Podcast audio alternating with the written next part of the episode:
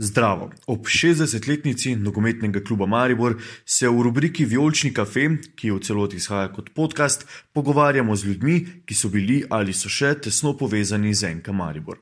Dan pred velikim jubilejem Violi častih smo se v njegovi pisarni pod tribuno ljudskega vrta pogovarjali s sekretarjem kluba Urošem Jurišičem. Dobrih 20 let je v Enka Maribor upravlja različne naloge, predtem je bil zvest navijač kluba iz Mladinske ulice 29. S prijatelji, s katerimi je študiral v Ljubljani, je hodil na vsa gostovanja, v Ljudskem vrtu pa so imeli letno stopnico na zahodni tribuni.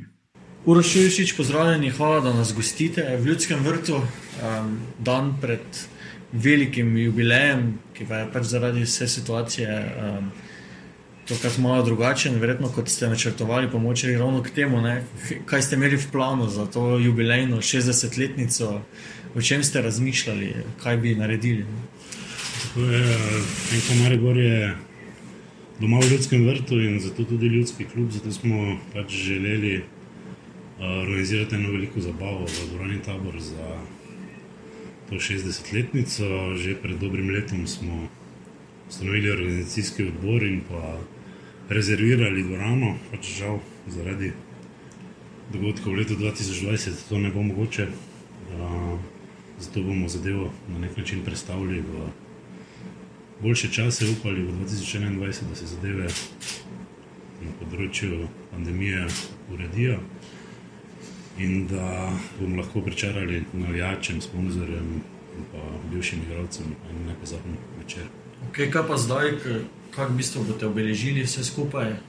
Torej, mi na podlagi tega, ker smo pač uh, vedeli približno, kaj nas čaka v mesecu decembru, da ne bo zadeva boljša, smo se odločili, da bomo za vse, ki jih enka Maribor zanima ali pa, ali pa tudi ne, pripravili en igrano dokumentarni film.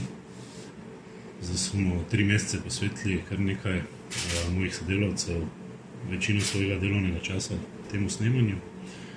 Uh, gre za zelo kvaliteten izdelek, ki bo pokazal uh, čustva, uh, čustva tega kluba in tega mesta. Uh, Ljud sveta bo gledal najbrž v prvih dnevih januarja z premjero na TV Sloveniji. Um, kasneje pa bomo seveda tudi v dru drugačnih platformah ponudili tako našim navijačem kot navijačem po vsem svetu, konec koncev, ker bomo tudi podnaslovili za angliški in podnotisi, tako da bo na voljo v bistvu vsem, ki si bodo želeli ogledati malo drugačen dokumentarno zgodbo prereza 60 let.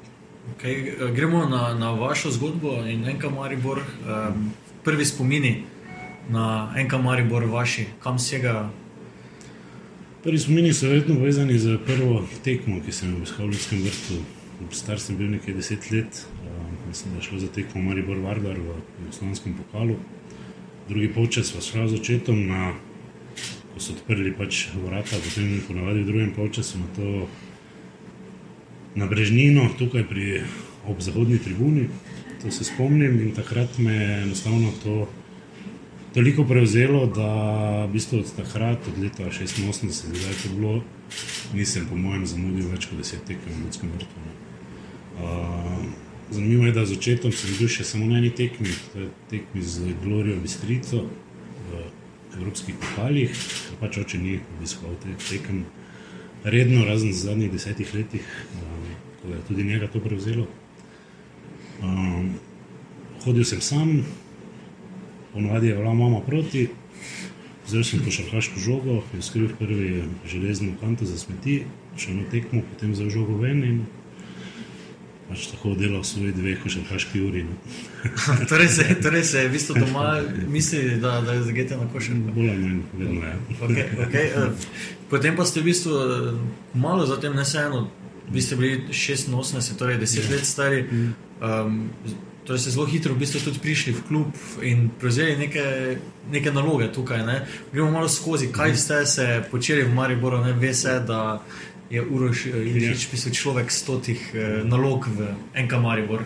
Torej, če tako začelo, se je zelo kot pač zaveden lastnik sezonske stopnice skupaj z svojimi najboljšimi prijatelji. Pač študirali smo v Ljubljani, hodili na vse tekme v Ljudski vrt in pa tudi na vsa gostovanja takrat. Um, prišla je neka, rečemo, temu seminarska naloga, um, narediti spletno stran, takrat v tistih časih, to je bilo konec 90-ih let. In smo rekli, zakaj ne bi ustvarili spletne strani Enka Maribora, ki še takrat ni imel. Uh, ustvarili smo nek osnutek, toliko da je bilo za, za izpolnitev študijskih obveznosti, uh, po drugi strani pa zadevo ponudili klubu, če bi pač želeli prevzeti kot uradni izdelek, seveda so se takoj strinjali. Uh, tako da smo mogli nadgraditi, in v bistvu zahteva je bila, da, da, se, da gremo online, rečemo dan, na dan tekme z Genkom, te znamenite tekme z Genkom 99. leta. Pač celo noči smo takrat pisali tekste, programirali, in pač na tisti dan je prvi zaživela enkamaribor.com. Uh, torej, potem v Ligi prvakov, čez, že čez nekaj mesecev, oziroma čez dva meseca, sem prevzel tako bolj volontersko vlogo pomoči pri akreditacijah. To je tudi ena zanimiva zgodba, ki se je moja, moja podvenka Maribor zelo hitro lahko končala. Pač takratni PR-ovec kluba, Stipe Jarič, ki še danes moj dober sodelavec, pa dober prijatelj, me je pač, kot se še nismo poznali, me je prosil pač, da v okviru Lige prvakov na prvi tekmi sem zadolžen za ob tem, da smo novinarjem eh, razdelili akreditacije, da sem zadolžen tudi v času tekme, da skrbim za kamere, ki so jih mogli odložiti v poseben prostor, ne sem rekel, stipe, vse v redu in prav. Jaz nisem dolgo v tem klubu, zdaj tudi če bo to pomenilo, da ne bomo več sodelovali, jaz bom tekmo gledal, Mislim, to me ne zanima nič drugega kot to, da bom seveda tekmo gledal in pač nisem pravi človek, zato da bom čuval kamere. Ne. Je seveda to razumel, ampak seveda, če bi kdo bil drugi na njegovi poziciji, bi mislil, kaj ti mali govoriš, nekomu si prišel, pa, pa govoriš, kak bi naj bilo, pa če rekel, da to ni opcija za mene, ne. tako da tekmo gledal, pa tudi če imam štiri zvrčine, ne, neče, kar se je tudi že zgodilo. No, In kamere so ostale, kamere so ostale, pa je verjetno nekdo drug, ki je skrbel za njih, jaz pa sem zauzel svoje mesto na zahodni tribuni. 20 vrsta, 6 sedež. To, to, kdo je zdaj na tem, na tem sedežu? Ne, vem. Ne vem, jaz ga imam tu, zahodne tribune, zloženega. A ja, ja seveda. Ja. A ste ga šli poiskati, medtem ja. ko se sanira. Uh, vem, dobro, če se moče res dotaknemo te zahodne tribune, ja. bo bilo kaj težko, ko ste šli po ta sedež, ker ste verjetno nekaj let preživeli. Moram reči, da ne, ravno tega, ker spremljanje tekme za zahodni, na zahodni tribuni je bilo, predvsem v, potem v času, ko sem začel delati v klubu, v letu 2000, zelo zahtevno stališče nogometnega funkcionarja. Ker je izjemno naporni, uh, se zna dialogi biti uh, od prve minute dalje, nezadovoljstvo se izraža na nek drugi način, kot je to zdaj na novi vzhodni tribuni, uh, ker vseeno večinoma večinoma prevladuje navijaško vzdušje, kar je meni dosti bolj domače kot uh, neko nerganje na, na novih tekmah. Okay, eh, vrnimo se k vašim nalogam, torej akreditacija najprej, pa predtem še spletna stran. Ja. Kaj se je še sledilo temu? Da, leta 2000 smo se spet srečali v nekem dogodku, um, povezano z mojim študijem v Ljubljani, na enem marketinškem maratonu z predstavnikom Kamaribora. Um, in se na, nekak, na nek način takrat dogovorili za če bolj resno sodelovanje na področju PR-a v prvi fazi, ne, na nek neformalen sestanek z Bežigradom, potem na tekmi, ki je sledila temu. Sem pač prišel v nogometni odpravi ne, in pač je takratni predsednik Jože Jagodnik pač rekel, koga mi to vozite. Ne. Pač jaz sem malo pobarvan vijolično, malo rumeno. V obrazu ne, nisem pač pričakoval, mogoče formalnosti tega sestanka nisem dobro, ali pa tudi ne ocenil. Ampak tako je pač bilo, no, pač jaz sem šel takšno tekmo in pač uh, tudi na ta neformalni sestanek, oziroma predstavitev predsednika kluba. Uh, na koncu pač z Julijem, 10. julijem 2000, leta 2000, 10. julij je bil moj prvi redni delovni dan, ne vem, kam ali goro. In tako dalje pač sem najprej dve leti skrbel za PR. Uh, potem pa zasedel mesto sekretarja kluba, ki ga pravim še danes. Um, bila so tudi uh, težka leta vmes, ne? uh, prišli ste verjetno v času enih vr enega vrhuncev, potem v teh 2000-ih se je začele delati težave. Uh, Kako se spominjate teh časov? No? Reč, da je leta 2000, ko sem jaz prišel, kljub, kljub temu, da sem ta klub spremljal, kot sem rekel, na vseh tekmih, bral vse članke, vse možne časopise. V klubu sem bil vseeno presenečen, da leto dni po Ligi Prvakov praktično, da je bila blagajna bolj ne prazna. Ne. Um, to pač nekaj časa traja, da se tega zavedaš, ko zasedeš neko mesto PR-ovca. Um, ti vsega ne dajo, pokažejo takoj prvi dan. Ne. Uh, in seveda so se začele težave, ne? ambicije so bile še visoke, uh, izpad v prvem krogu kvalifikacij za Ligo Prvakov proti Moldavskemu Zimbruju. In potem se je začela hiša podirati. Leta 2002, začetek sanacije, seveda so bili popolnoma drugi časi. Kljub temu, da smo 2003 do 2004 še uspeli zdržati neko tekmovalno raven, biti prvaki, sploh tisto 2003 je nepozorna tekma proti celju, um, ko smo obrnili v bistvu celotni tek prvenstva na eni tekmi.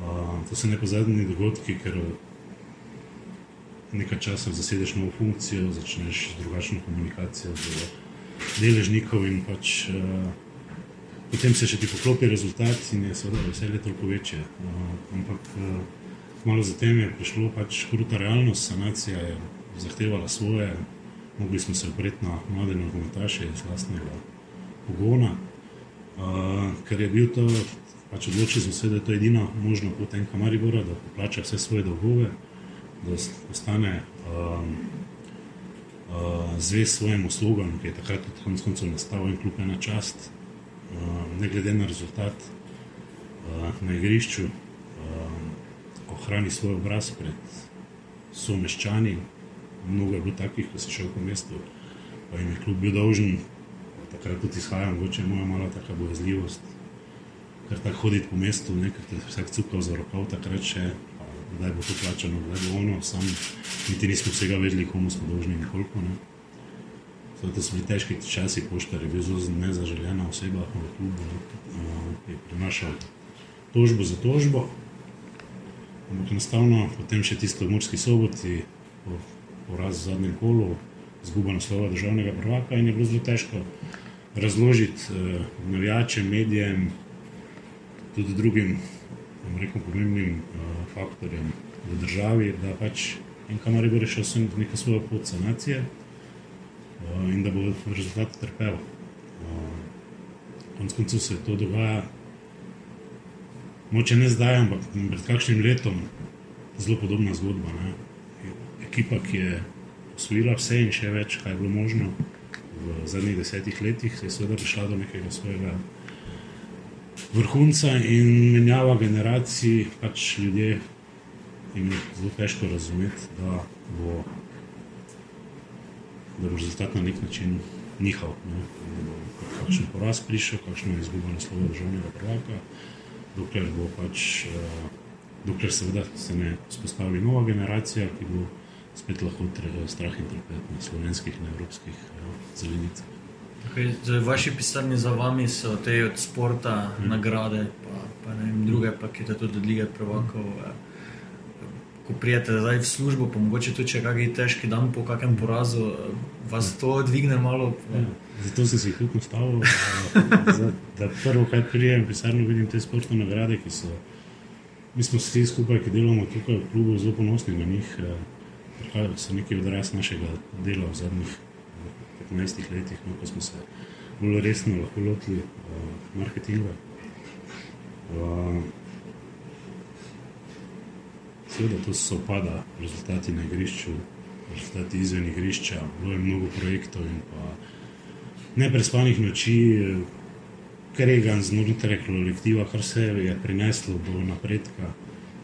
Um, tukaj smo se nabrali ljudje, ki večina od nas uh, zelo čustveno dojemamo nogomet. Uh, na podlagi tega smo tudi sodelavce izbirali, uh, ker je mogoče večja prednost, da imaš ti odnos do tega kluba, kot pa kot pa to, da si nek strokovnjak na določenem področju, ker delovati v nogometnem klubu, oziroma športnem klubu, uh, profesionalnem športnem klubu in pa v kakšni drugi organizaciji ali pa podjetju je ogromna razlika. To je veliko, veliko več odrekanj. Uh, delovnik je daljši, uh, delovni teden je daljši. Uh, pride pač do trenutka, ko v enem trenutku težko otrokom doma, sploh ko postaneš oče, potem otrokom doma dopoveda, da pa mi kot družina ne bomo mogli iti na morje v poleti, ker ima ati pač službene obveznosti, ker pač ati ima šest dni pa pol nekje delovni teden, da prihaja zvečer domov ponovadi in to je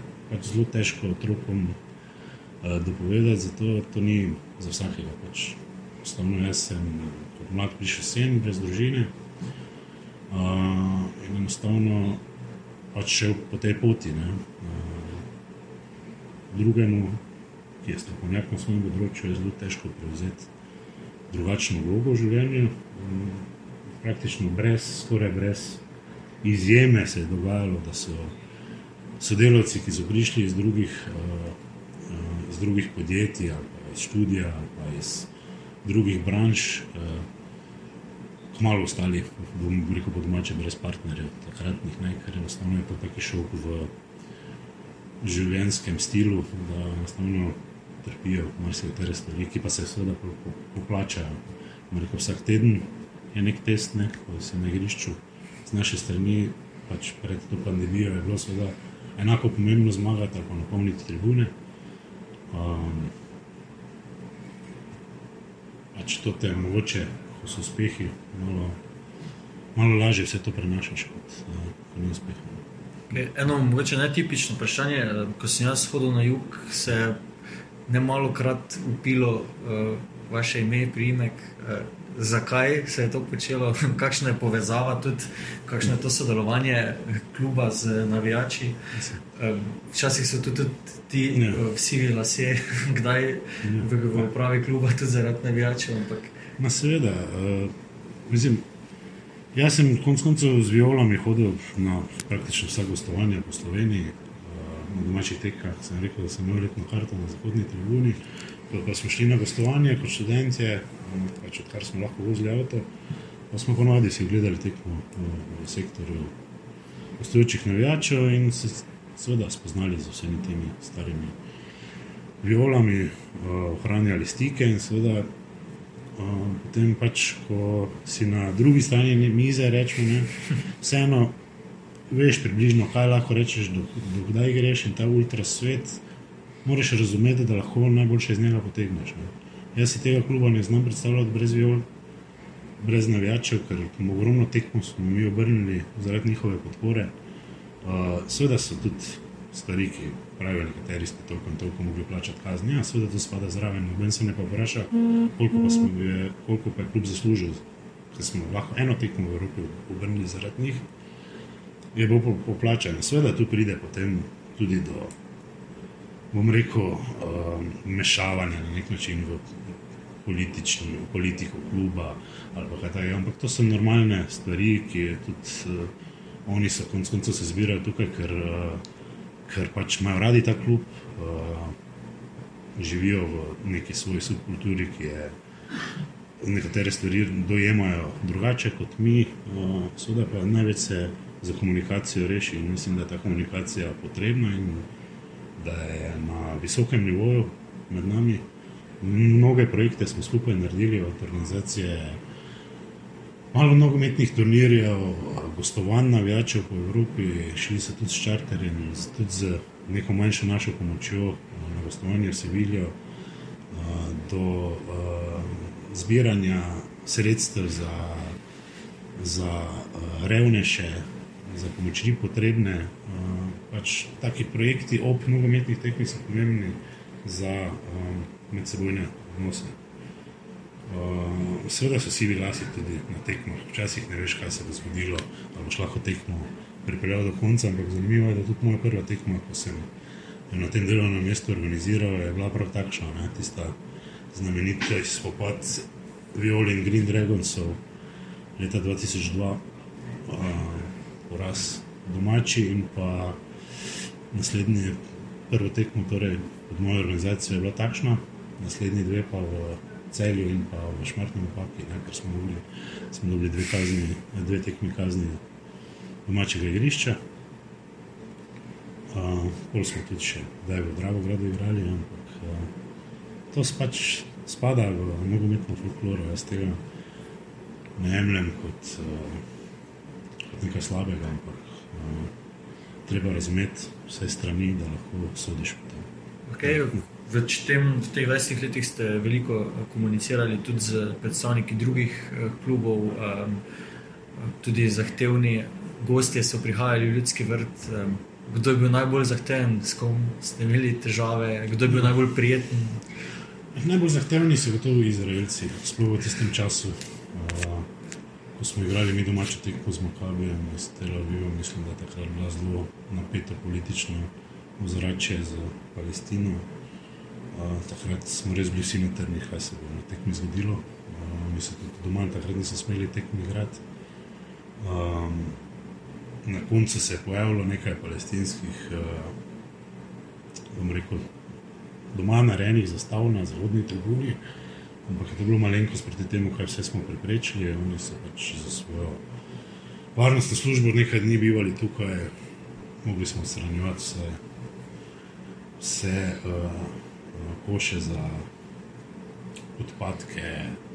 Pač pogledali so vse, kaj bi se lahko zgodilo, kje bi lahko bil skriv in pač izvršil neko, uh, nek, uh, rekel, napad na njihovo, njihove predstavnike. Uh, to so drugi gosti, rekel, tudi iz političnega vrha, niso bili zahtevni, pač, gre za pač nek usklajen protokol obisku varovanih oseb. Uh, večino pa so ljudje, ki so prihajali, torej predstavniki klubov, ki so uh, gostovali v Mariboru, bili zelo prijetni sogovorniki. Večinoma uh, smo se od njih tudi učili nogometnega bontona v začetku, pa potem smo prišli do te ravne, da so bili vsi navdušeni nad našim gostoljubljem v, Mariboru. Uh, pač vsakemu, od, ali je to šlo za Severno Irce, zdaj, ki so zadnji gostovali tukaj, ali pa uh, predstavnike Liverpoola ali pa Chelsea, smo na enak način hoteli sprejeti, pokazati jim del našega mesta, predvsem Staro Trto, največjo za mene znamenitost tega mesta. Um, in za darilo dali tudi vino te Stare Trte, kar se jim je vsem zdelo nepredstavljivo, da lahko imajo v svojih klubskih vitrinah nekaj tako posebnega. Uh, Pogostili jih na vrhunskem nivoju za našo kulinariko tukaj v Mariboru, ki je vsakega iz leta v leto na višjem nivoju. In vsi so bili, bom rekel, vsi so rekli, da samo upajo, da, lahko, da nam bo lahko na povratni tekmi vrnili z enako merno. Kar smo na nek način zelo ponosni na to. Tukaj so se dobro počutili tudi predstavniki um, UEFA, ponovadi v teh skupinskih delih, pač konec koncev oni organizirajo tekme. Mi smo tukaj samo njihovo pomoč na nek način, pravno formalno, ampak reševali smo take zadeve kot tisto klančino z Liverpoolovim avtobusom čez noč. To je bilo na vseh seminarjih, potem v EFE predstavljeno kot neverjetna zgodba, da lahko to nekdo naredi v bistvu v enem dnevu. Um, ampak tako smo, tak smo mi delovali v vseh teh letih, nič ni bilo nemogoče, bilo smo, bili smo neizprostni, trn peti mnogim, tudi zaradi tega delovanja, tudi verjetno smo šli marsikomu na živce skozi Slovenijo. Ko smo pač bili trdi, trdi na nek način trdi v komunikaciji, trdi na igrišču. Pač konec koncev se smo mogli najti neke alternative. Uh, ko smo se primerjali s klubi iz Evrope, smo videli, da že v prvem predkrogu kvalifikacij se z marsikom ne moreš primerjati, ne po višini prejemkov, ne po infrastrukturi, nogometni, ne po številu, ne vem, velikosti mesta, trga, iz katerega prihajajo, ne po številu navijačev. Po ničemer se praktično z marsikaterim klubom že od začetka tekmovanja vsako leto nisi mogel primerjati. Pač smo rekel, na športni del, je našel neko alternativo temu, torej nek model igre, ki je bil, ki je bil zelo neugoden za nasprotnika, če si ga dobro, uh, dobro, dobro uigral. To jim je uspelo, zato smo tudi bili uspešni. Mi pa smo enako probali v pisarnah biti zelo neizprostni, na koncu koncev tudi za svojih sodelavcev, če manj do drugih, ki so se hoteli vmešavati v naše delo. Tudi gostovanja ne, so nekaj posebnega, verjetno za, za vse vas. Je to hkrati tudi neka nagrada? Ne vem, da, da... Absolutno. Absolutno, evropske, ko pride pač tisto evropsko poletje, pa ko vsi upamo na evropsko jesen, še seveda to, to mi jemljemo kot avanturo. Ne.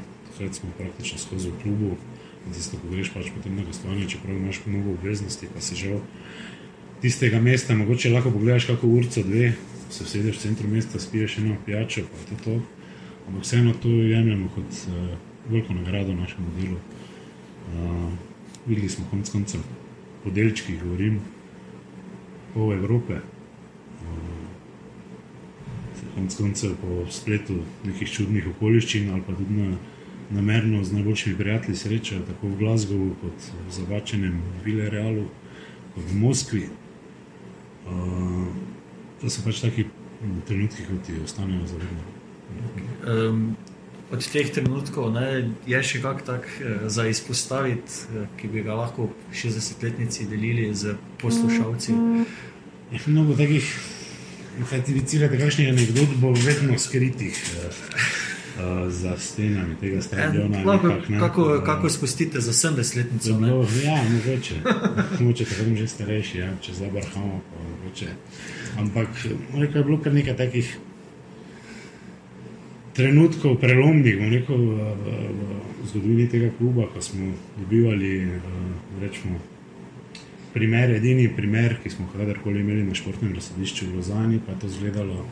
Če bi takrat kamere imeli postavljene, pa bi lahko snemali, je to izgledalo približno. Bi verjetno kar bilo kot neki scenarij te odvetniške serije. Um, to je bilo toliko preobratov v enem tem sojenju, da jaz še kot relativno mlad, nogometni funkcionar, sem na koncu bil izčrpan, na koncu dneva izčrpan, kot če nikoli.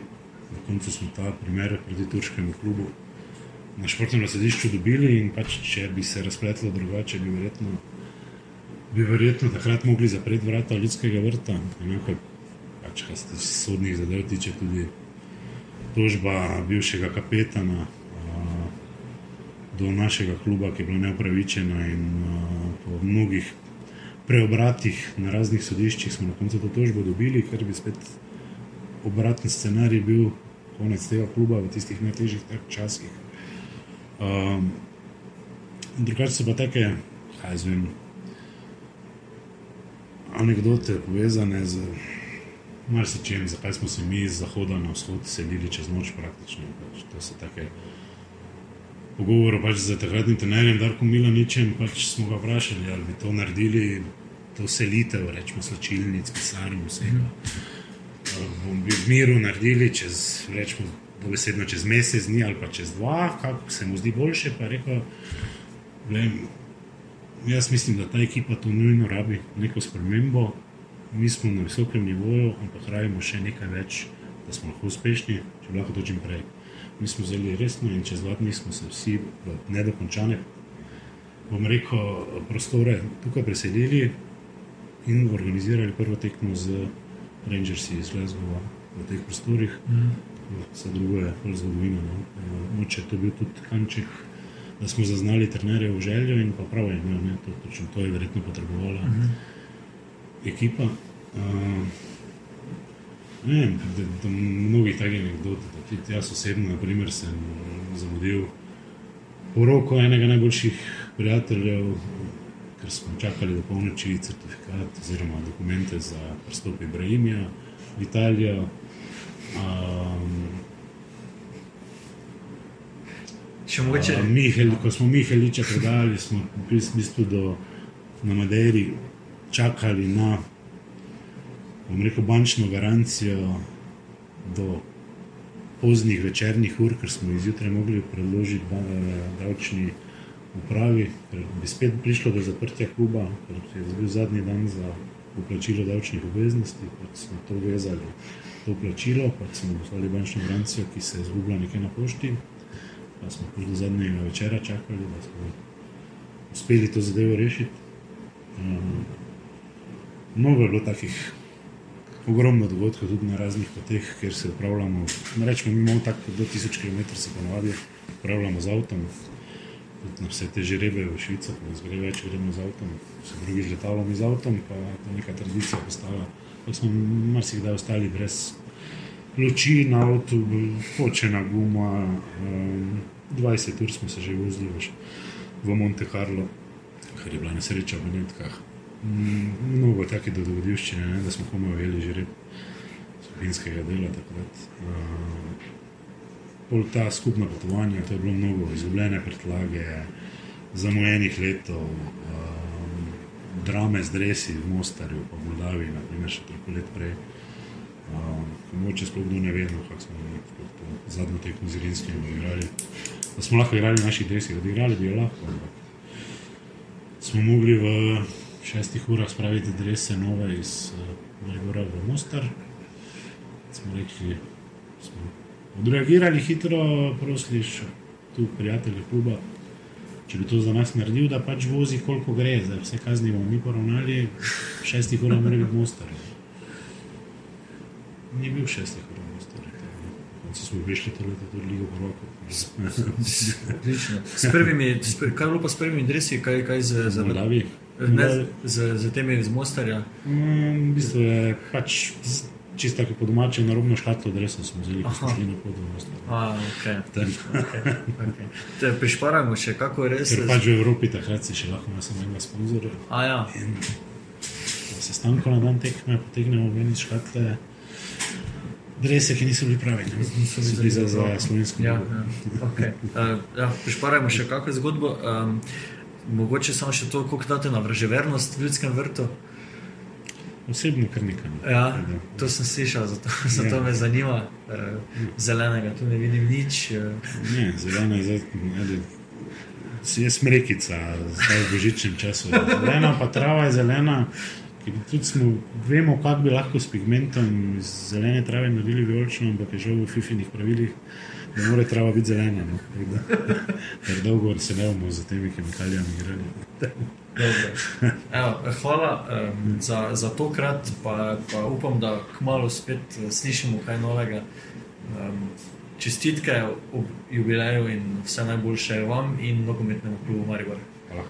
To je bil podcast posebne rubrike ob 60-letnici nogometnega kluba Maribor. Pogovarjali smo se s sekretarjem kluba Urošem Jurišičem. Več vsebin ob 60-letnici Violi častih najdete na vecer.com poševnica NK Maribor. Vabljeni k branju ter k sodelovanju, pošljite nam fotografije in zanimive zgodbe. Violi častim pa vse najboljše in na številne uspehe.